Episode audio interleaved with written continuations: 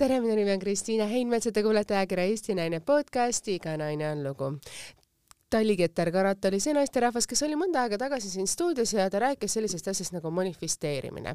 Äh, võin öelda, et ma sellesse nagu natukene usun, natukene ka mitte, aga täna on stuudios naine, kelle puhul ma võin öelda, et see toimis ja toimis selliselt, et ma ei oska isegi seda mõelda selle peale, et see paari nädalaga sai toimima. põhimõtteliselt oli küsimus see, et minu tore naabrinaine tuli ülevalt alla, teinekord õhtul mulle tassikest teed jooma, et meie lapsed saaksid ilusasti mängida ja rääkis ta mulle ühest ägedast naisest ja ettevõttest, et kui tal oli samamoodi sellised keerulised ajad, võttis ennast Töötukassas arvesse ja sattus ühte väga-väga-väga ägedasse sellise koolitusettevõttesse, et, et see aitas, kuidas öelda, talle jõuda nagu sammukese edasi. Läk-, mõeldud-tehtud, mõne aja pärast oli mul endal vaja saada kontakt ühe inimesega, saatsin emaili ja üllatuseks-üllatuseks vastas seesama inimene, kellest mul oli alles mõned päevad tagasi jutanud olnud naabrinaisega. täna on see naine siin stuudios, seda aega me nüüd küll lükkasime mõned, mõnevõrra rohkem edasi, aga tere tulemast sellise suurepärase sellise, kuidas öelda, tervisliku äh, turunduskoolituse ettevõtte pabrikajuht äh, Jana Kaškova, ma loodan, et sõna, seda nime ma hääldasin õigesti. jaa, täiesti õigesti, tere, tere kõigile et väga-väga armas, et sa siia sattusid, sest tavaliselt äh, suvi on selline aeg, kus me mõtleme, et mida me võiksime sügisel teha ja kas on mingi tore koolitus ja mida me tahaksime ju iseendas ju tegelikult ka arendada, et noh, sellest ka see mul na jutt naabrinaisega. usu või mitte, aga just enne siia tulekut sellega tegelesin, et äh, koostasin täiesti nagu ägeda uue programmi ja just äh, Äh, panin selle kokku ja mõtlesin, et issand, kui tore, et ma täiesti nagu tahaks ise seda nüüd läbida, nii et äh, näed täppi. no väga hea, hakkamegi kohe erinevatest asjadest rääkima, lihtsalt nagu minu endaga mõtted olid, et, et miks mitte siis tuua ka kooli, kuidas öelda siis kuulajateni sellised teemad, et, et mida teha, mida arendada, kuidas nagu üldse jõuda selleni, sest äh, üks asi on, sa saad hariduse, teine asi on see, et sellest läheb ju aastaid nagu mööda ja mingil hetkel sa mõtled, et tahaks nagu midagi teha, aga kust nagu seda alustada, nii nagu mul naabrinaine ütles, läks tema sinna ja sai endale väga ägeda uue töö ja nagu kuidas öelda, tõuke edasi eluks, siis siin me oleme, siin on meil Jana ja siis räägigi täpselt, et kuidas sa selle oma turundusettevõtte lõid ja ja ma tean, et ta teeb koostööd ka väga paljude erinevate riiklike asutustega just see, et ongi, et kui inimesed võib-olla kaotavad töö ja nad soovivad edasi õppida või ennast arendada mõnes teises valdkonnas mm, -hmm. siis on teie ettevõte see, kes teeb koostööd ja pakub selliseid just praktilisi kursuseid jah, et äh, issand, raske isegi millestki alustada, et nii palju tahaks kohe öelda. et kus, kuidas sa tulid selle äh, asja peale, et ma tean, et sul on endal väga pikk CV erinevate marketing direktorite ja marketingi alal töötajatena, et et kuidas sa nagu äh, tulid selle peale siin ligi seitse aastat tagasi no,, et see ettevõte luua? ütlemegi niimoodi, et ma siis äh, tegelesin turundusega ja ma olen siis äh, turundusmagister ja mingi hetk ma ise nagu otsisin ennast ja sain aru, et tahan turundusega tegeleda. ja töötasin siis äh, nagu erinevates ettevõtetes mm, -hmm. äh, suurtes Sunorekis Teres, letis äh, tõin hästi palju nagu erinevaid äh, tooteid turule, mis on siiamaani õnneks äh, letis, mida on siis hea meel näha. ja siis töötasin Natura Siberikas, kes avas siis koha, siin Tallinnas oma mm -hmm. tootmise ja siis mingi hetk ma hakkasin juba aru saama, et ma tahan edasi minna ettevõtlusesse ja paralleelselt sellega kuidagi noh, inimesed juba teadsid, et ma tegelen turundusega ja minu poole hakkas pöörduma päris palju inimesi palvega nagu, et aita turundusega, et aita ja et mida teeme, kuidas reklaami seadistada ja nii edasi. ja kuidagi hakkas see suund kasvama ja üks päev ma otsustasingi, et kõik, ma nüüd äh, proovin. Nagu, et proovin, et äh, parem siis äh, kahetseda kui karta. Ja läksingi, avasin eelkõige siis tervisliku turunduse agentuuri mille nimeks äh, saigi Paprika. Äh, miks see tervisliku turundusagentuur on, vot seda ma tahaks ma küsida, et neid turundusagentuure on ju meil tegelikult väga palju, nagu võib-olla nagu seeni teinekord kerkib meil siia mm, turule. ja väga hea küsimus, et äh, kui ma töötasin suurtes ettevõtetes, minu käes olid hästi suured eelarved. Ja mina lihtsalt nagu iga päev puutusin sellega kokku, ma lihtsalt nägin, kuidas neid eelarveid kasutatakse. Ja minu nagu suureks huviks oli alati selline nagu väikse eelarvega turundus ja mul oli hästi palju mõtteid, äh, kuidas äh, saaks sama asju teha väiksema eelarvega ja kuidas saavutada päris nagu ägedaid tulemusi, tegelikult äh, mitte äh, niimoodi raha tuulde loopides. Ja seepärast mul kuidagi oligi kogu aeg see arusaam, et seda saaks teistmoodi teha. Ja tervislik tähendabki põhimõtteliselt seda, et no kuidas öelda. sa ei kuluta piisavalt, sa ei kuluta palju raha selleks, et saada head tulemust. just, et noh, seda võiks nimetada siis efektiivselt mm -hmm. või siis äh, noh, kuidagi yeah. niimoodi nagu, et siis äh, äh, hoida seda suhe, noh, hinna ja kvaliteedi äh, suhet mm. -hmm sa lõid selle ettevõtte, sa pakud nüüd ütleme neid koolitusi, et äh, tänaseks sa oled juba mitu aastat teinud, sa teed koostööd ka nende siis erinevate riigiasutustega, et äh, mis on nagu sinu see spetsiifika just, et miks need inimesed sinu juurde tulevad, et mul naaber naabrina just ütles, et sa saad nagu praktilise kogemuse, et sa võid ju omada ülikooli haridust, aga kui sul puudub nagu praktiline kogemus, siis kas oma väikse ettevõtte tegemiseks, et see oli nagu, on oluline? ja no mida inimesed räägivad meie kohta, esimene asi, mida nad räägivad, on see, et meie nagu paprika annab tõesti praktilist kogemust, et mm -hmm. mõned tulevad äh, meie juurde peale teisi haridusettevõtteid ja ütlevad, et äh, nad on nelja, viie kuuga saanud rohkem just praktilisi teadmisi kui siis noh, mingisuguses suures haridusettevõttes. et see juhtub tänu see, tänu ütleme niimoodi koolituste ülesehitusele, aga sellest siis räägime natuke hiljem äkki. ja teine asi, mida siis räägitakse ja mida nüüd juba mõned inimesed äh, räägivad, kui tulevad üldse mm -hmm. nagu meie kooli, et me oleme kuulnud, et te, te ajate siis, äh, aidate tiivad äh, laiali ajada, et kas te võiksite palun mind ka aidata sellega. ja no ma arvan, et see on siis võib-olla siis meie selline või minu isiklik anne, et ma näen inimestes potentsiaali ja ma kuidagi tean, kuhu nad minema peavad, et mul õnnestub neid kuidagi toetada ja seda õiget teed leida ja mõnikord juhtub ka niimoodi, et inimene tuleb näiteks, ta tahab paprikas paprikas tööle asuda ja mina ütlen, et ei, kullake, kuule, see ei ole sinu tee, sa pead nüüd äh, minema ja ettevõtlusega alustama ja viimane näide jaanuaris oli siis äh, selline naine mul laua taga ja tänapäeval äh, neli kuud hiljem ta on juba üsna edukas ettevõtja.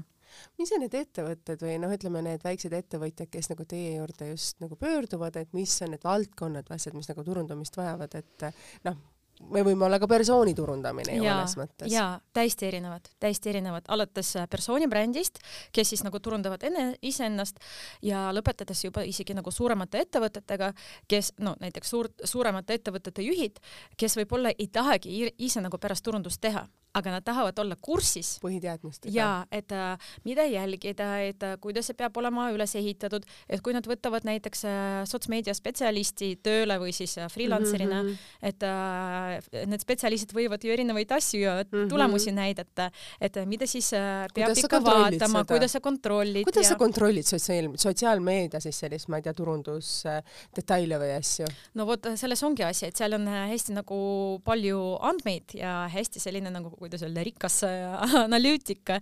Ja seda võib äh, nii ja naa näidata, et kuidas seda ikka nagu õigesti vaadata äh, ja reaalselt tulemusi nagu näha, et vot seda me õpetamegi õpeta mind ka siis, et ma olen nagu selline, kuidas öelda, väga-väga rumal nagu selles valdkonnas, et mis on nagu need detailid, sest ma tean, et mu naabrinaine võttis mu telefoni, vaatas need asjad ära, siis ta vaatas nagu selliselt ära, tema oskas seda teha kohe. mina vaatan, et noh, minul Instagrami ilusad pildid ja kogu lugu. no ongi, et äh, kui me läheme natuke sügavamale, siis me sattumegi selle statistika peale, siis me peame oskama seda lugeda põhimõtteliselt. et üks asi on siis selline nagu levi et äh, mis näitab, et äh, mitu inimest on kokku sinu reklaami näinud, aga see ei ole tihti tähtis, sest tähtis nagu on ikka see, palju on siis sinu veebilehele näiteks äh, üle läinud või siis mitu nendest on kuidagi sügavamale läinud või siis võib-olla ostu sooritanud ja nii edasi ja need on juba natuke teised näitajad, vot jah. et sellised väga nagu, spetsiifikad. ja, ja nad on natuke spetsiifikad, ega need kõik kaasaegsed instrumendid on hästi sellised sellised intuitiivsed mm, -hmm. et midagi keerulist üldse ei ole, et äh, jah, et nagu saab täiesti nagu seda ära õppida. ma siin kogu aeg räägin pigem seda, et äh, selline nagu tänase turunduse äh, iroonia, kui saab niimoodi öelda, seisneb selles, et äh, need on lihtsalt instrumendid, aga see sisuloome ja turundus ja kõik, kõik, kõik võtab üsna palju aega, et sul on vaja siis neid postitusi luua äh,, pilte teha, seda nagu ja välja panna, siis vaadata, mis seal toimub ja reklaami seadistada ja nii edasi ja see võtab natuke aega, jah kui palju on, ütleme nüüd ettevõtete juurde tulnud selliseid digiturundajaid või digiturundajaid, siis nagu neid äh, sotsiaalmeedia turundajaid, et see on nagu tegelikult uus amet. et kui me räägime, ma arvan, kui see Paprikagi loodi siin mõni aasta tagasi, ütleme viis aastat tagasi, see ei olnud, ütleme nii massiline, siis mm -hmm. täna mhm. ilma sotsiaalmeediata, kui sul sotsiaalmeediat ei ole, siis sind ei eksisteeri. jaa no vot ja, ja mina ütleks äh, isegi, et äh, noh, need digiturunduse teadmised, need ei ole isegi minu arust eraldi amet tänapäeval, et äh, meil on Eestis hästi palju selliseid väikseid ettevõtteid mm, -hmm. kus on, ongi nagu meeskonnas kaks-kolm inimest ja ei olegi eraldi seda turundusspetsialisti, on olemas näiteks no ma ei tea, büroojuht või sekretär, kes ongi selline nagu öö, mitmekülgne inimene, kes peab oskama natuke HR-i ehk siis nagu inimeste juhtimist, natuke raamatupidamist ja sealhulgas ka reklaamimist ja no minu arust need on see, tänapäeval sellised teadmised, mis on kõigile tegelikult äh, vajalikud, mitte ainult äh, turundajatele. marketingist on saanud nagu selline võlusõna, et kõike peab nagu marketingi või esimene asi on, et sa lood oma ettevõttes, kõik küsivad, kuidas sa marketingi teed või kuidas sa turundad nagu seda, et äh, see on nagu e, vanasti nagu, et ma olin ettevõte, et ma nüüd olen ettevõtja või see oli veel paarkümmend aastat tagasi, täna on see, et aa, ette, väga hea, kuidas sa turundad mm? -hmm noh, jällegi see on nagu tänane päev ilma selleta kuidagi ei saa, et kui sind ei ole sotsmeedias, nagu sa juba õigesti ka ütlesid, kui sind ei ole kuskil nagu avalikult äh, olemas, siis äh, räägitakse, et sind äh, ei olegi olemas, mis on veel nagu ka äh, selline tüüpiline tänasele päevale et vaadake, kaks aastat tagasi siis saabus meie koroona ja siis, äh, mis juhtus siis, et isegi need äh, ettevõtted, mis olid siis sellised nagu offline ettevõtted, noh, mhm. klassikalised mm, -hmm. yeah, yeah. nad pidid üle minema online'i ja tänu millele äh, meil ongi nagu väike riik ja nagu palju rahvast, väga palju rahvast ka ei ole ja selge see, et äh, meie turg on väga kontsentreeritud ja ülekoormatud, ütleme isegi niimoodi. ja paar aastat tagasi siis suvel, siis kui saabus koroona tehti uuringu, et äh, mitu kontakti on siis vaja praegu, et sa jääksid inimestele silma ja kui vanasti oli siis äh, turunduses selline nagu kuldne reegel nagu äh, seitsme puute reegel, ala, et sa pead siis äh, seitse korda nagu silma paistma, et äh, meelde jääda, siis praegu see number on kahekümne ja kolmekümne vahel viimaste uuringute järgi. nii et see marketingi maht on suurenenud aastatega ja on suurenenud ja see tähendab ka seda, et sa pead kogu aeg nagu olema aktiivne, kogu aeg olema noh, eetris nii-öelda ja et äh, midagi nagu äh, kirjutama, midagi siis äh, ette võtma, et äh, nagu silma jääda kui palju on äh, teil neid inimesi ära läinud ja oma ettevõtte loonud, sa ütlesid alles, et jaanuaril oli, jaanuaris lõpetas vist teil keegi kursuse ja tänaseks on juba tubli ettevõtja. mis mm -hmm. valdkonda tema läks? Tema tegeleb käsitööga, tema Aha. teeb käsitööseipi ja tal tuleb see ülihästi välja mm. -hmm et ongi sellised väiksed ettevõtted, et sa oled võib-olla töö kaotanud ja lood oma väikse sellise ettevõtte, siis see on nagu selline stardipauk. jah, just ja meil ongi niimoodi, et äh, me tegelikult me jaotame kõiki kliente kolmeks äh, grupiks, et ühed siis on siis äh, sellised väiksed ettevõtjad, kes alles alustavad või kavatsevad alustada ja neil on siis sellist nagu tugi vaja, et äh, okei okay,, võib-olla sul ettevõte on juba olemas, aga no mõnikord ongi hea alustada nullist ja luua kohe see tugev vundament, millele, mille peale siis teised asjad juba üles ehitada teised on siis freelancerid, kes tulevad äh, õppima ja tahavad pärast siis freelanceriks saada, ehk siis osutada seda teenust äh, noh, freelancerina. Ja, ja nagu jah, just. Ja äh, me aitame ka sellega, et äh, aitame siis äh,, et me just nagu praegu suvel juurutame uust, uut teenust ehk siis mentorluse teenust, sest me teame, et eksamipäev on kõige sellise, selline nagu ehmatavam, hirmsam päev meie õppijate jaoks. et nüüd me juurutame seda teenust, et oleks nagu see tugi ja toetus, et inimene ei oleks nagu üksi selles maailmas, et me aitame siis sellega, kuidas leida kliente, kuidas võtta raha ja vastame teistele küsimustele, mis siis tekivad. mis on selline keskmine marketingi eelarve näiteks, ma ei tea, internetis või selline seal või? seinast seina, väga nagu. mis on see kõige, mis on tavaline see nagu miinimum, millega peaks nagu tegema mõnda toodet reklaami, mis on nagu need suurimad eelarved, nagu sa ütlesid, et, et sa töötasid ettevõtetes, kus eelarved olid väga suured, et lihtsalt nagu inim-, tavainimesele nagu teada? no iseenesest võib äh, teha ka viie euriga päevas nagu reklaami kui mm -hmm. sa teed mhm. seda kuskil Facebookis, Instagramis, siis nagu sellest võib alustada.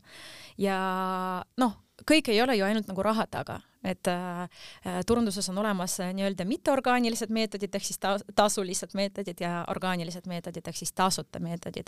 et tänapäeval nagu on väga, üks väga tugeva, tugev instrument on ka näiteks äh, riistturundus ehk siis no ütleme bartertehingud ise igasugused, et näiteks mina räägin sinust ja sina räägid minust ja siis ma panen nagu ja nagu at ja sinu nimi ja sina teed sama asja, et me lepime kokku ja siis ala sinu äh, sõbrad näevad mind ja saavad teada, kes on Jana ja minu sõbrad äh, saavad teada, kes on Kristina. Ja äh, need on sellised nagu soodsad meetodid, mis tegelikult annavad ka nagu päris häid tulemusi nii et äh, jällegi kõik ei ole ainult äh, raha taga, et meil on ka teised ressursid, aeg, fantaasia, äh, mida saab ka nagu tööle panna. mis on need kõige suuremad eelarved, millega näiteks sina oled ka töötanud seal marketingis ja mis need võivad olla, et noh no. Ekspress, eks esikaon maksis, ma mäletan, viimane, viimane eelarve, mida ma teadsin, oli seitsekümmend tuhat Eesti krooni, palju ta täna maksab, ma ei tea no kunagi, kui ma töötasin suurtes ettevõtetes, siis näiteks üks aasta meie osakonna käes oli miljon eurot. Lihtsalt reklaami jaoks? reklaami jaoks, mida me pidime siis nagu ära kasutama ja teles ja sotsmeedias ja igal pool, et äh, noh selge see, et see oli, see eelarve oli nagu jaotatud erinevate kanalite äh, vahel, aga no tegemist oli ikka päris äh, üpris suure summaga. kui palju nagu see keskmine, kuidas öelda, suurettevõte siis jagab seda, ütleme, eelarvet seal, et palju läheb sotsiaalmeediasse, palju läheb televisiooni, palju läheb sinna, et kuidas nagu neid eelarveid jagatakse? No koostatakse analüüse ja vaadatakse ja siis no on olemas nagu suured sellised äh, ülevaated ja analüüsid, mis näitavad äh, siis, äh, kus on kliendid, mis meediat tänapäeval kliendid rohkem tarbivad, kas nad on rohkem siis raadios või sotsmeedias või nagu kus, kus, kus neid rohkem on. Ja tavaliselt vastavalt sellele tehaksegi neid või siis jagatakse nagu raha proportsionaalselt kui, kui suur on see eelarve olnud, mida sina siis just sa jagasid, et see oli see miljon eurot, aga kas on näiteks ka eriarvamusi, et mina soovin kõik panna televisiooni, teine soovib panna sinna, kuidas nagu neid asju lahendatakse, kas see on ainult nagu tulemuspõhine või teinekord on ka selline katse-eksitusmeetod? mõlemad. mõlemad, mõlemad tegelikult ja et äh, selge see, et on olemas jällegi need analüüsid mm, -hmm. aga no kes ei riski, see šampus ei joo, et, äh, et, et turunduses on ikka väga tähtis äh, mõnikord teha selliseid nagu julgeid samme et võib-olla see õnnestub, äh, see ei õnnestu, võib-olla see hoopis õnnestub ja siis sa oled esimene, kes on seda katsetanud ja esimene on alati noh, kuningas, ütleme niimoodi mis on olnud sinu kuningaks olemise hetk, mida sina oled võib-olla turunduses teinud nendes suurettevõtetes, mida sa oled nagu katsetanud ja see on sul õnnestunud? oh, raske öelda, et mul on olnud äh, erinevaid asju, nii õnnestumisi kui ka läbikukkumisi, et näiteks äh, Terese ma vastutasin äh, lisandväärtustega toodete eest ja siis me tõime turule sellise sarja nagu La Crema, Tere La Crema. Need olid siis sellised nagu rammused jogurtid ja see oli muidugi meie nagu suur saavutus, et me müüsime esimene kuu või esimene kvartal kvartal ma juba täpselt ei mäleta, aga need olid nagu sa noh, isegi me, me, me mõõtsime tonnides et me räägime nagu tonnidest, et äh, kujutate ette, kui palju neid topse nagu sinna mahub, et see oli ikka nagu suur-suur äh, edu ja saavutus. aga samas on olnud äh, selliseid tooteid, kui ma väga nagu pikalt arendasin neid ja nagu täiesti mul oli usku, aga siis ükskord need olid lastele mõeldud tooted ja me tahtsime siis laiendada näiteks Mumu toodete sarja ja nagu lasime turule, aga kuidagi juhtus niimoodi, et täpselt samal nädalal, täpselt nagu samal nädalal äh, tõi ka, tõid ka konkurendid analoogsed äh, tooted turule välja no, ma ei tea, see on selline nagu ma ei tea siiamaani, kuidas see juhtus, aga noh, selge see, et jällegi, et kui sa oled esimene, siis sa jõuad juba seda nagu oma äh, kohta saavutada. kui sa tood nagu kõi-, teistega üheaegselt, siis see on juba natuke keerulisem, nii et äh, lõpp, lõppkokkuvõttes me pidime võtma need tooted äh, sortimendist äh, maha. Ja siis minu juht ütles, et seal tead, on, toob siis need krõbuskid ja jogurt ja siis juht väga kaua nagu rääkis mulle ja et hakkab mulle siis osaliselt maksma palka nendes krõbuskites, sest neid jäi nii palju üle, noh, vot selliseid asju juhtub ka jah. aga need on ju toredad kogemused tegelikult, mis nagu viivad ju sind edasi, et õpetavad, et elus võib teinekord õnnestuda, teinekord võib ka ebaõnnestuda noh, jah, ja ettevõtlus ongi selline, et see ei ole alati selline, kuidas öelda, nagu õnn ja äh, ainult head uudised, et äh, see on ikka selline rollercoaster nagu Ameerika mäed, et äh, kord läheb paremini, kord läheb halvemini, aga noh, jällegi, et tuleb katsetada, tuleb proovida, muud moodi ei saa, kui sa tänapäeval, kui sa jääd nagu kohale seisma, siis jäädki seisma ja siis noh, jäädki nagu teiste taha põhimõtteliselt ma saatsin sulle nagu mõned küsimused enne saadet eetris, noh ette nagu mõned, sest äh, noh, tavaliselt kui inimene tuleb, siis ta, mul on nagu mingi teadmine või tundmine tema kohta, aga sinu kohta oli väga keeruline informatsiooni leida, siis ma küsisin mõningaid isiklikke küsimusi. mulle väga meeldis, kuidas sa vastasid hästi ägedalt enda kohta, et, et kuni kolmekümnenda eluaastani olid sa täiesti perfektne perfektsionist. olin jah olin jah, seepärast mul oli väga raske alustada koolitamisega, kuigi ma juba väga ammu tundsin, et ma tahan seda teha, ma tahan neid äh, teadmisi nagu äh, edastada teistele, aga mul oli kogu aeg tunne, et äh, ei, ma ei saa hakkama, ma veel ei tea nagu piisavalt palju asju ja nii edasi. Ja mul võttis ikka piisavalt palju aega, et äh, aru saada, et okei okay,, kindlasti ei tea ma kõike, aga ma kindlasti tean rohkem, kui äh, teavad teised ja saan seda ka nagu üle anda perfektsionistiks olemine tähendab ka mõnes mõttes sellise tubli tüdruku kuvandi omamist, et me läheme kooli, me peame olema parimad, me peame saama kõige paremad hinded, me peame käituma kõige viisakamalt ja olema kõige perfektsemalt mm. -hmm. et see tuleb mõnes mõttes kaasa ju meie kodudest või kuidagi sellisest arvamusest või keskkonnast, kus me kasvame.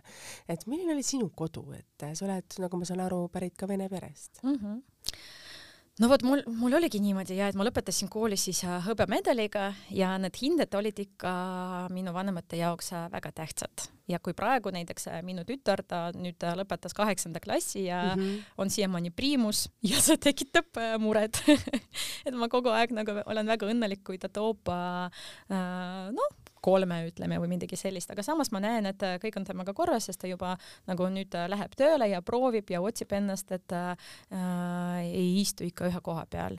vot, aga jah, et minu vanemate jaoks äh, olid need hinded ikka üsna tähtsad ja neil oli ka alati selline nagu arusaam, kuhu ma pean minema ja kuhu ma pean liikuma ja mida edasi tegema. ja kui üks päev ma teavitasin isa, et ma rase olen, siis esimene küsimus oli, et mis sa arvad, mis see küsimus siis oli mis mina arvan, mis see küsimus oli?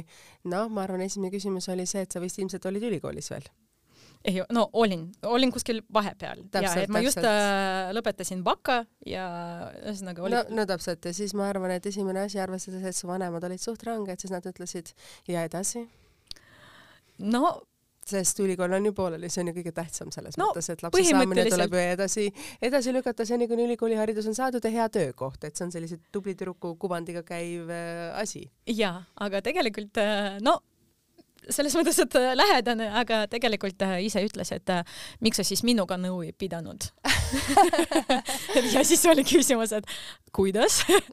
Vot, aga see selleks ja no ma ikka läksin magistratuuri ja käisin siis suure kõhuga magistratuuris ja lõppkokkuvõttes lõpetasin siis selle turundusmagistratuuri.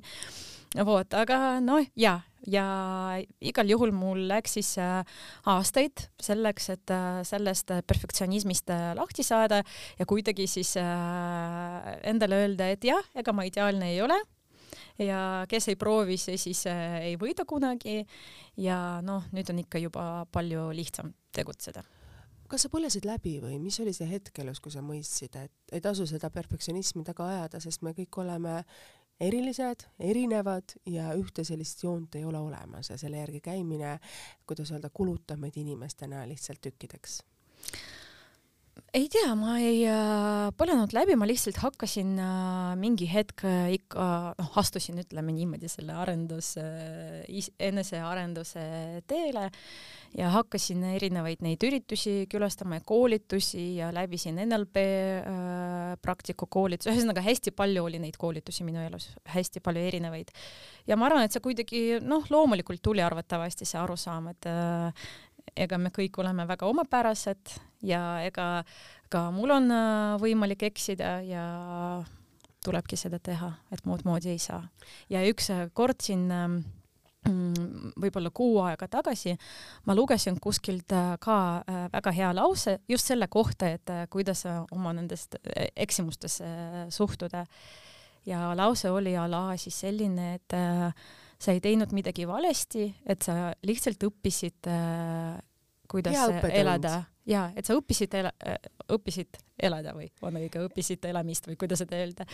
jah, võib, võib, võib-olla ütleks niimoodi siis, et äh, iga kogemus on hea, mõni on õppetund, mõni on edasiminek. jah, ja me, me kõik õpime. jah, absoluutselt, kogu oma elu. surmani jah, põhimõtteliselt jah kui sa oled teinud neid oma programme ja asju, palju sa paned seda elulist sinna või sa lähed nagu väga nagu praktiliseks kohe, et sa ütlesid ise ka, et, et sul oli küll väga hea haridus, sul oli kõik väga hea selline taust, aga ikkagi me nagu inimestena põlema nagu mingil hetkel nagu läbi, et mm, -hmm. et palju sa nagu sellist asja oled oma koolitusse sisse pannud? sa mõtled just äh, mida, läbipõlemist või? või noh, sellist äh, palju nagu hoida nagu seda tasakaalus, et see praktika ja palju sa teed, et seda tasakaalu asja, ma arvan, no meil omal ajal, kui me koolis mm -hmm. käisime, ikkagi seda ei õpetatud. Jah, no vaata, alustame sellest, et ähm, äh, tänapäeval on hästi palju neid turundusprogramme ja mõned on hästi sellised kiired, et sa nelja päevaga õpid hästi palju asju ära. Et äh, mina olen äh, andragoog, äh, mul on siis kuues tase, ehk siis olen professionaalne diplomeeritud, ütleme niimoodi, täiskasvanute koolitaja. kuus aastat ma tegelen koolitustega ja paralleelselt õpin veel ajuteadust, et kuidas siis meie aju toimib. Ja seepärast ma olen täiesti nagu teise siis suhtumise välja töötanud, et meie koolitused on siis natuke pikemad, nad kestavad neli kuni viis kuud, aga tunnid toimuvad kord nädalas, sest ma tean, et põhitöö ja põhiõpe õppimine äh, toimub äh, mitte tunnis, vaid äh, toimub kodus. kui sa teed oma kodutöö lahti, sul on käes mingi reaalne projekt, mingi äri, mida sa pead nüüd äh, ja, ja sa pead sellega midagi nüüd äh, tegema et äh, kas äh, nagu aru saama, kes on sinu kliendid, mis on nende vajadused, kuidas tekste kirjutada, kuidas veebilehte luua. Ja lihtne on tunnis, kui sul on koolitaja käes või kõrval, aga kui sa jääd ja kui sa jääd üksi, siis sa pead nagu iseendaga hakkama saama, siis sa pead infot otsima ja tegelikult siis see õpe toimubki seepärast meie äh, nagu koolitused on üles, üles ehitatud niimoodi, et äh, äh, kord nädalas on siis see tund koolitajaga ja siis sa saad kodutöö ja siis sul on nädal aega selleks, et seda kodutööd ära teha. vot ja põhimõtteliselt äh, see praktika ja see õpe toimubki nagu koolituste vahel vot.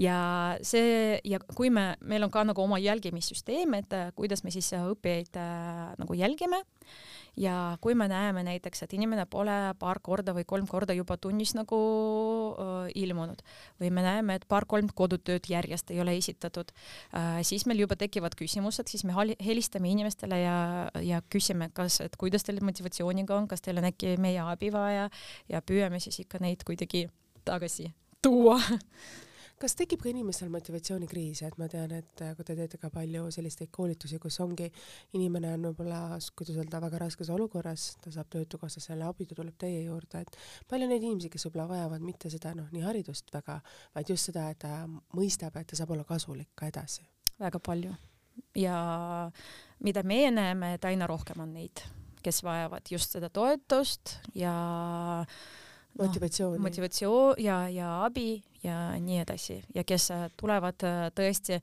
no vot nagu sa ütlesid ja et nad tahavad siis äh, kasulikud olla ja tahavad mingit uut elu alustada, midagi sellist, et jah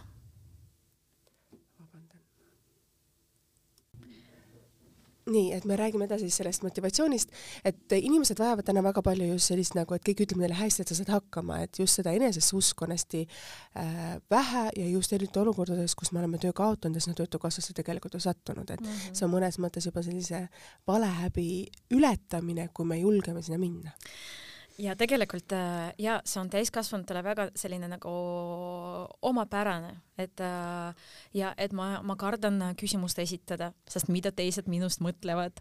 Ja ma kardan kuidagi ennast näidata, ühesõnaga see on hästi tüüpiline, et äh, täiskasvanud inimesed, täiskasvanud õppijad niimoodi käituvad. nii et me püüame siis ka nagu sellega arvestada. Ja seepärast praegu just nagu sel suvel me paneme rõhku nendele tugiteenuste arendamisele, et just see mentorlus, et järgmine nädal meil toimub siis Äh, mentorite koolitus, me koolitame oma, no ühesõnaga koolitame mentoreid, kes on kunagi paprika koolitusi lõpetanud, oma elus midagi saavutanud, kas ettevõtluses või siis äh, freelance'is äh, või siis nagu edukalt tööle asunud ja nad tulevad siis meie õppijatele toeks et neid nagu toetada. ja siis me nagu teeme rõhku, nüüd praegu nagu ehitame just koostööd erinevate agentuuridega, et me saaksime siis äh, nagu korralikke töökohti pakkuda ja siis praktikavõimalusi pakkuda ja nii edasi, et olla siis igatpidi toeks. aga muidu, kui me räägime veel motivatsioonist, siis kui me räägime nagu täiskasvanud inimese aju mm -hmm. ehitusest, ütleme niimoodi, siis lapse ja täiskasvanud äh, aju on muidugi natuke erinevad et äh, lapsel on äh, nagu äh,, kuidas öelda, käivad veel sellised nagu bioloogilised programmid, et me kõik oma looduse järgi nagu tahame õppida, me oleme uudishimulikult ja lapsed tahavadki õppida, nad õpivad lihtsalt, sest nad õpivad täiskasvanutega on juba natuke teistmoodi, neil, neil juba sellist programmi ei ole, meil on hästi palju teisi nagu kohustusi, lapsed ja pere ja lõunad ja õhtusöögid ja ühesõnaga palju-palju-palju ja seepärast äh, seda motivatsiooni on hästi raske nagu hoida. Ja on olemas äh, andragoogikas ka selline reegel, et äh, motivatsiooni ei teki, kui sa ei saa aru, milleks sul seda vaja on. nii et kui me räägime korralikest koolitustest, siis tegelikult heal koolitusel esimene küsimus, mida koolitajad peavad esitama, on milleks sul seda vaja on, miks sa üldse nagu tulid, mis tulemust sa tahad saavutada, kas sa tahad uh, uut töökohta, kas sa tahad äh, kuidagi nagu teist, noh, mingit äh, kaudset töövõimalust, kas sa tahad äh, rohkem raha teenida, mida sa tahad, et kui sa saad aru, siis äh, sul on äh, lihtsam seda motivatsiooni nagu hoida kõrgel tasemel. kas on ka teie esimene kursus üks nendest, et inimesed, kes sinna kokku tulevad, et need on ju väga erineva valdkonna inimesed, täiskasvanud, ka vanused on neil kindlasti seinast seina, et kuidas nagu ühisosa või ühist keel sellel leida? No selleks äh, jah, tegemist on sellise grupi dünaamikaga ja kakskümmend viis kuni viiskümmend viis kindlasti. ja, ja no selleks on olemas nagu teatud meetodid mm, igasugused mängud ja harjutused, et äh, ja mida me proovime ja püüame ka nagu aktiivselt äh, kasutada, et siis äh, kohe esimeses tunnis seda gruppi moodustada. no ütleme niimoodi, esimene, teine tund on kõige tähtsam. muidugi, kui me rääkisime või siis kui kunagi koolitused olid offline'is ja inimesed olid kõik kohal, siis selle, seda oli palju lihtsam teha, et tänapäeval Zoomis, online'is seda on natuke nagu raskem teha, nii et me alati palume, et palun leidke võimalust tulla tulla kasvõi esimene mm, kord kohale muidu me ka nagu õpetame, me kasutame. Sumi, Sumi, Sumi vahendusel. Äh, me kasutame hübriidmeetodil meetodit, mis tähendab, et äh, siis äh, jaa, on täiesti võimalik läbida kõiki koolitusi online'is. samas, äh, kui tegemist on mingi keerulisema teemaga, näiteks mingi WordPressi lehe ülesehitamine või siis targeting ehk siis reklaami seadistamine ja ma, me teame oma kogemusest, et parem on, kui koolitaja seisab kõrval ja saab põhimõtteliselt näpuga näidata, et kuhu sa pead vajutama ja mida tegema. ja siis nagu ja selliseid tunde me teeme ka offline'is klassis põhimõtteliselt mm, -hmm. et mhm. inimesel äh, oleks võimalik siis otse koolitaja käest äh, küsida ja abi saada kui sa mõtled nüüd ütleme oma nende elu, erinevate eluperioodide ja elu, elu, kuidas öelda, valdkondade peale, et sa ütlesid, et sa lõpetasid ülikooli ilusasti ära, see kõht oli veel ees ja selles mõttes see, see pisikene sündis sul kas sa ei mõelnud seda, ma nüüd tahaks olla mõnda aega kodus, et ma ei taha edasi minna, sest noh, arvad, vaadates sinu CV-d, siis ega seal ju vaba päeva ei olnud ja ilmselgelt lapse imetamine toimus vist kiirustades ühelt konver-, mitte koosolekult teisele? ei, ma ikka istusin poolteist aastat täiesti nagu kodus lapsega, aga no ega see lihtne periood ei olnud ja ma sünnitasin veel äh, üsna vara, noh, selles mõttes, et äh, võib-olla väga vara ei ole, ma olin kakskümmend kolm aastat vana, aga lihtsalt äh, kõik minu sõbrannad äh, olid veel nagu sellised äh, vallalised noored vabad inimesed. just, just, just ja ja et muidugi nagu see oli selline nagu tegelikult üsna raske moment elus, kui ma sain aru, et ma jäin kuidagi täiesti üksinda aga noh, õnneks äh, ma leidsin äh, uusi tutvusi äh, selliste noorte emmede hulgast, nii et sain Kui hakkama. sa just ütlesid väga-väga ausalt, et sa jäid üksi mingil hetkel. et sa ju pead ju hakkama siis oma elu kuidagi ümber, kuidas öelda, suunama, et kui sa vaatad, et see elu, kus sa olid, et sa sinna ei sobitu enam ja sa pead leidma teise suuna ehk teise tee. et kui keeruline või raske, noh, ma arvan, vaadates sinu sellist entusiasmi, et kui keeruline või raske see sinul oli selles mõttes, et ühe tavalise inimese jaoks see võib olla täiesti võimatu või täiesti praktiliselt võimatu tegemine no ega see lihtne ei olnud ja ma võin ausalt öelda, et äh, ja väikse lapsega ja nagu no ja, ja üksi ja ega elus, no laps on nüüd suur juba mm, -hmm. ega elus ka nagu juhtub selliseid momente, kui sa tunned, et kuidagi nagu tead, elus on sellised energiad et usu või mitte, ma ei tea, kui palju sa energia, energiatesse usud. Äh, mina usun, et manifesteerimisse see, et mu naabrinaine tuli alla ja täna sa istud siin, et äh, inimene, kellest ma ei teadnud midagi, on mul täna stuudios. ja no näed, et äh, jah äh, ja, ja kuidagi sa tunned, tead, et kuidagi kõik hakkab nagu, ma ei tea, no ma ei ütleks, et kohe lagunema sinu elus, aga kuidagi tead, seal tekivad mingid probleemid ja seal ja seal ja nagu elu tahab sulle midagi nagu näidata ja kuidagi sind äh, nagu teises suunas äh, siis äh, suunata. Ja ega see lihtne ei ole, et pärast muidugi sa elad üle, sa mõistad, milleks seda oli vaja, aga no selles hetkes on ikka nagu raske olla. endiselt raske olla ja pigem ma olen õppinud ka seda, et intuitsioon on see, et teinekord intuitsioon suunab sind hoopis täitsa teise, teise, kuidas öelda, teise raja peale, sa mõtled, ei, ma ei julge ikka sinna minna, ikka hoiad kinni sellest vanast. just muidugi ja ma olen nii palju nagu aega selle peale kulutanud Täpselt. ja kuidas äh, nii ja tead, minu nagu no ütleme karjääris nüüd, kui ma olen juba mm -hmm. ettevõtja, mul on ka selliseid asju olnud ja äh, kui ma alustasin siis seda ettevõtlust ja noh, ma ütlesin, et alguses Paprika oli ju agentuur, agentuur, mitte kool ja, ja mingi hetk ma sain aru, et ma olen täiesti läbi põlenud, ma olen klientidest äh, väsinud, ega see lihtne nagu töö ka ei ole, noh, ja see kliendi töö. ja siis üks päev ma sain aru, et ma pean äh, minema ja tegema seda Camino de Santiago. Ah.. vot ja siis üks päev, kohe ma mäletan, see oli detsembris. kas sa läksid üksi või kellegagi koos? vot just räägingi ja, et äh, ma, ma isegi mul tekkis kuidagi kohe silmade ette see kuupäev, et äh, seitseteist mai ma pean nagu välja astuma ja siis ma panin Facebooki sellise üleskutse, mitte isegi üleskutse, vaid äh, lihtsalt nagu küsimuse, et kuulge, mul tekkis selline mõte, ma tunnen, et ma pean seda ära tegema, et äkki keegi on seda juba teinud ja tahab siis nagu minuga oma kogemusi jagada, et ma saaks, et ma oleksin valmis.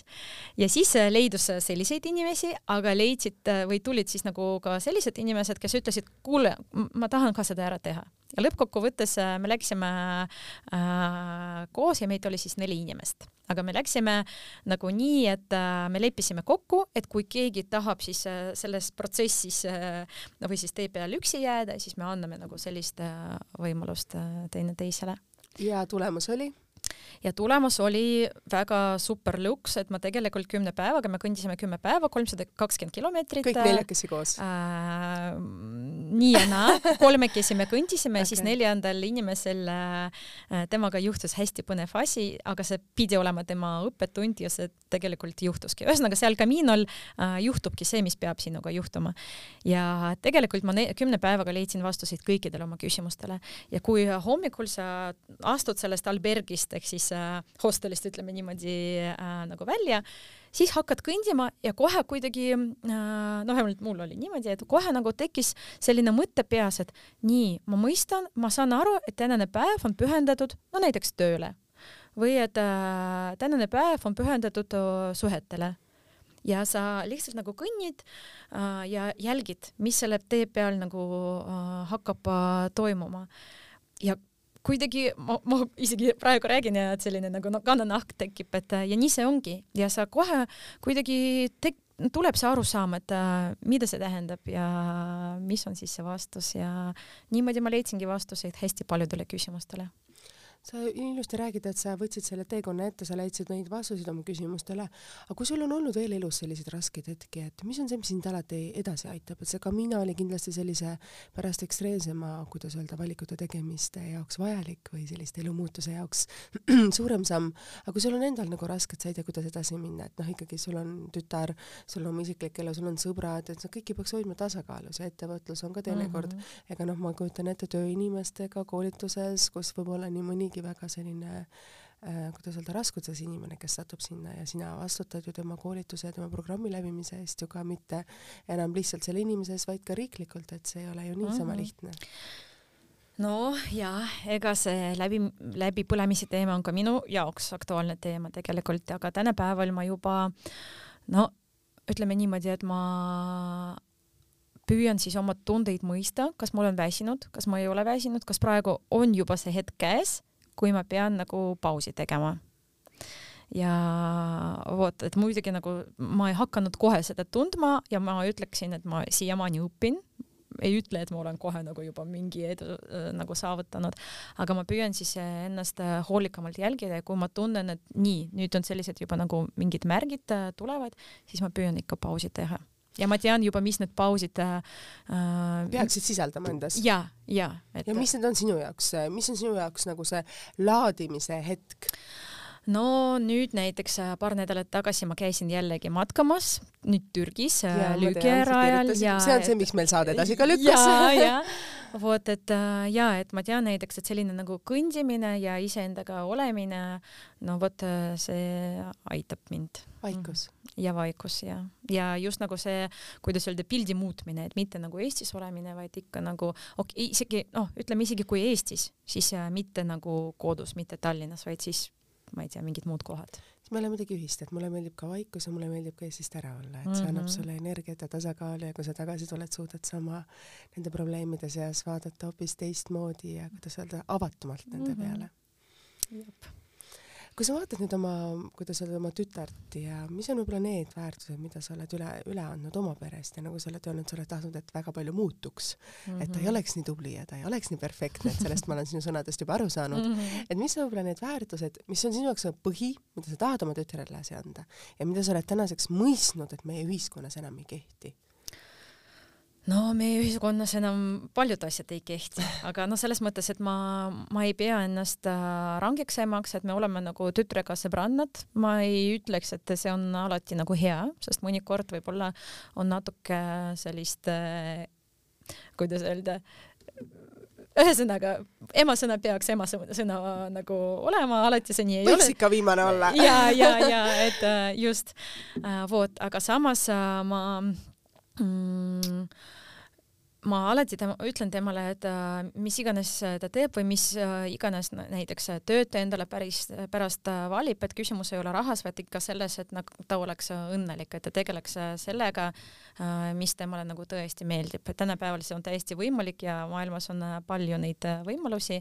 meie ajal seda ei olnud, meie pidime just. mõtlema, kuidas jääda ellu oli just, tegelikult ja kuidas see. raha teenida, seepärast kõik õppisidki, kas ja kas kas tahtsid või ei tahtnud, sa, see oli vähemalt üks, kuidas öelda, võluvõti sul selle, selle poole, et sul on hea palk ja hea töö. just, kas, jah, sa oled kas jurist või siis äh, see majandus mingi tegija või äh, ja tänapäeval see on ikka natuke teistmoodi ja palju võimalusi ja seepärast äh, ma ise töötan suviti suvelaagris ja teen siis äh,. suvelaagris? Ma siis kohe küsin.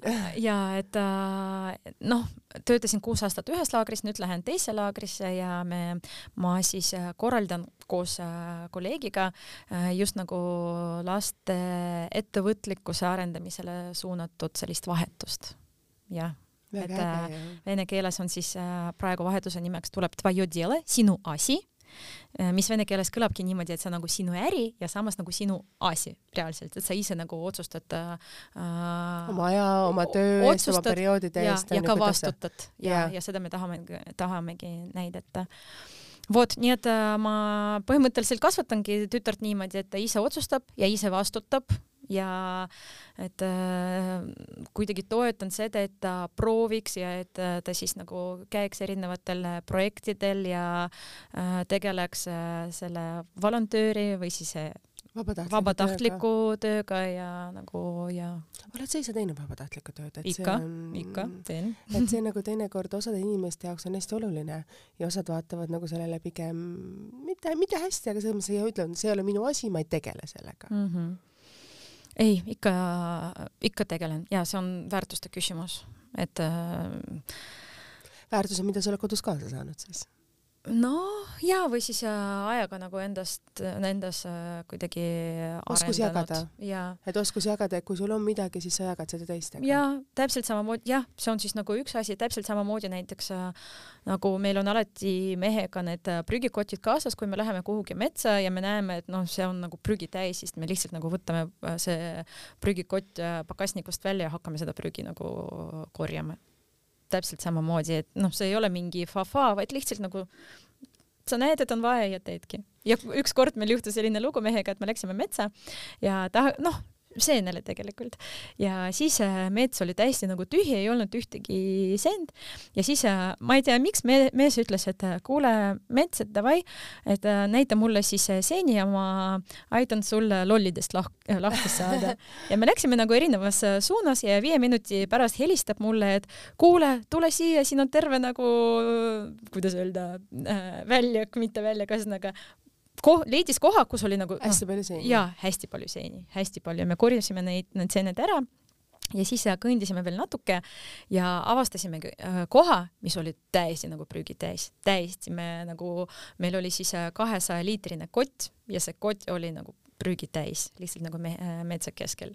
nii et, aga juba lubas aga see on ju juba väike... pidime juba nagu ja täitma. aga see on ju tegelikult selline väga hea heategu, vaata, millest me tegelikult avalikult ei räägi, et et teha midagi sellist pisikest head ja kui seda oleks nagu rohkem, siis oleks neid, ma arvan, vähem inimesi, kes viskaks seda prügi sinna metsa alla. no vot, aga jällegi see on nagu väärtuste küsimus ja sul on ka kaks koera, sa oled rääkinud ja kui sa kirjutasid need kirjas, et sul on kaks väikest puudnikest, siis nagu ma saan aru, koerad on sulle tähtsad no kuidagi meil on ellu, eh, peres on alati niimoodi olnud ja et. Äh, sa kasvasid üles koos koertega ja see on sinu jaoks oluline. mis on see raamat, mida sa alati soovitaksid kellelgi lugeda või mis on raamat, mis on sinu öökapi peal praegu?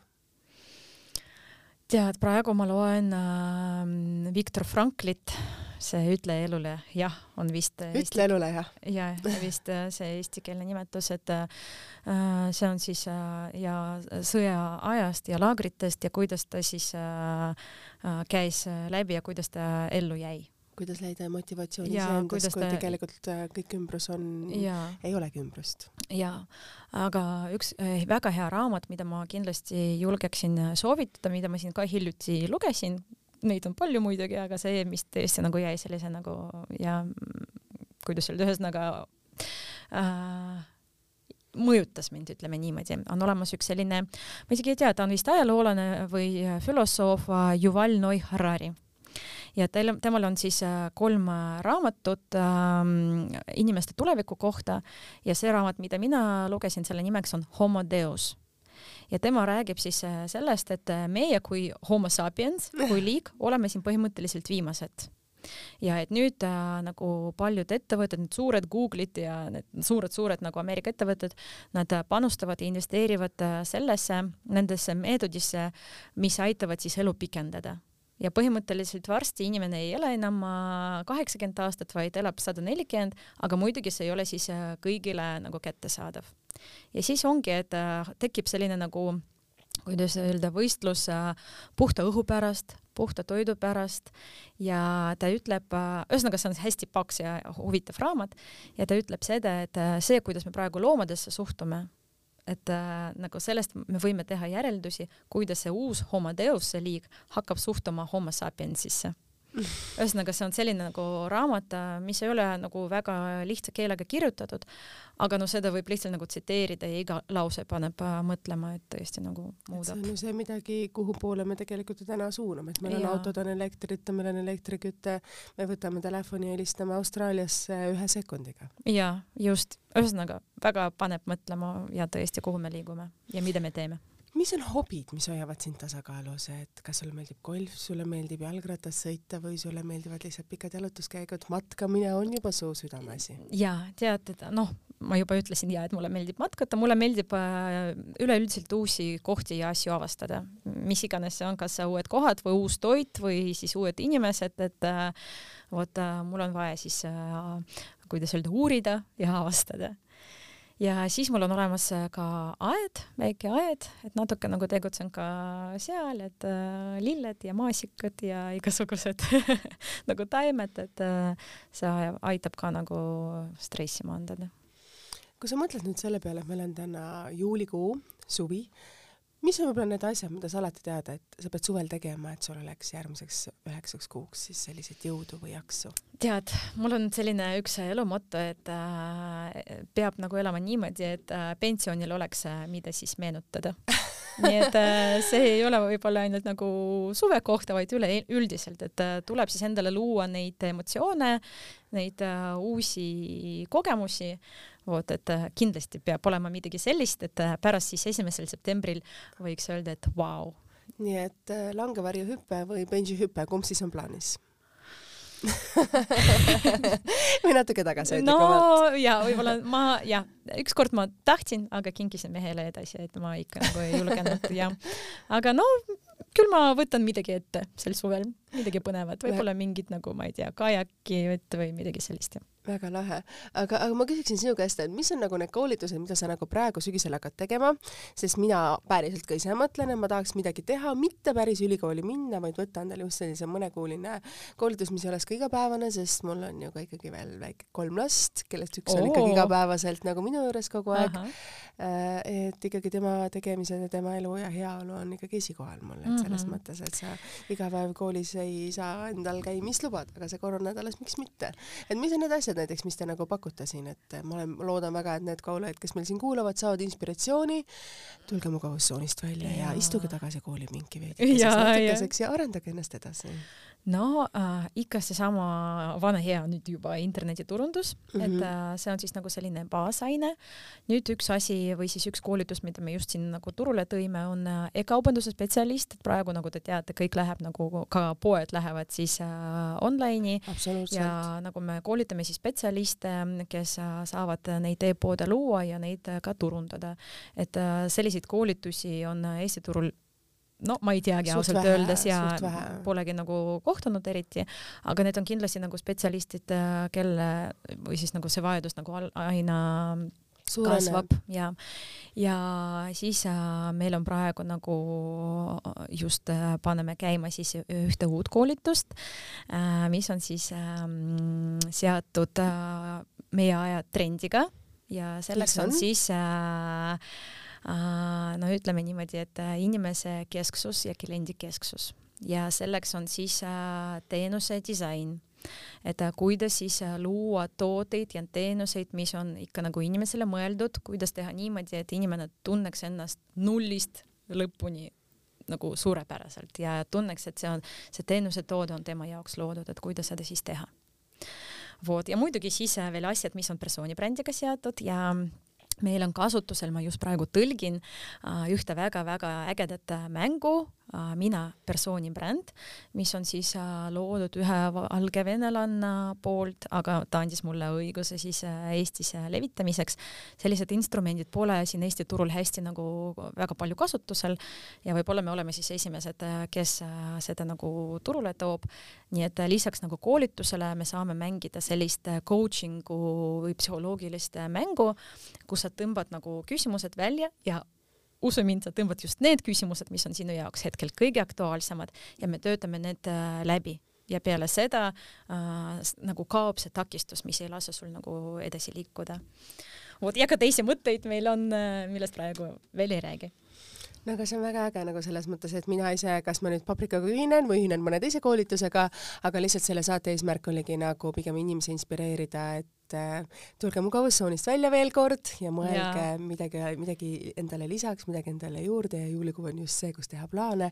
augustis hakata neid realiseerima selleks, et esimene september just. olla isegi võib-olla koolipingis või kodus kohvitassiga Zoomis. just taga. ja just äh, räägitakse, et aeg muutub Täpselt. ja enam ei ole sellist asja, et äh, me õpime üks kord elus ja Täpselt. nagu terveks eluks, et Ameerika uuringud ütlevad, et inimene muudab elus kaksteist kuni neliteist ametit, nii et igal juhul on vaja siis õppida ja õppida, õppida et äh, seda nagu oskust mitte kaotada, nii et ükskõik kuhu te lähete, mida te õpite, on ikka nagu tähtis on see, et jah, tegutsete sellega ja tegelete sellega ja tegutsete. ja võib-olla ka oluline see, et kui sa oled kümme aastat töötanud ühel töökohal ja rohkem tunned, et ma enam ei jaksa, tahaks seda muutust, tahaks oma elus midagi muud äh, teha, siis kindlasti selline freelancer'ina teha tööd on võib-olla midagi muud ja palk ei pruugi olla kordadeski mitte väiksem, vaid võimalus teha seda tööd kas Portugalist, Hispaaniast või mitte, miks mitte ka Bali saarelt. et see on võib-olla tänase päeva trend, mida ka väga palju tehakse, kus jäetaksegi päevatöö maha ja öeldakse, et äh, nüüd ma proovin ja katsetan midagi muud. et ja. olla õnnelik, sest olla õnnelikkus on tänapäeval olulisem kui see, kui suur on sinu pangakonto. ja meil on vaid üks elu. täpselt nii kõik ühesõnaga tähtsad asjad siin koos. aitäh teile kuulajad, et olite selle tunnikese meiega, aitäh sulle, Jana, et sa siia saatesse tulid. ma loodan, et me manifesteerime nii mõnegi naise mõistust täna teises suunas, hakake elama just teistmoodi kui võib-olla siiani. aitäh teile veel kord, äh, kuulajad, et olite tunnikese meiega, saade on ikka saadaval Delfi taskukeskkonnas, SoundCloudis ja Spotify's ja kohtume teiega juba nädala pärast taas suvistel, kergematel ja võib-olla natukene teistmoodi mõtlema panevatel teemadel. kõike head, nägemist! nägemist!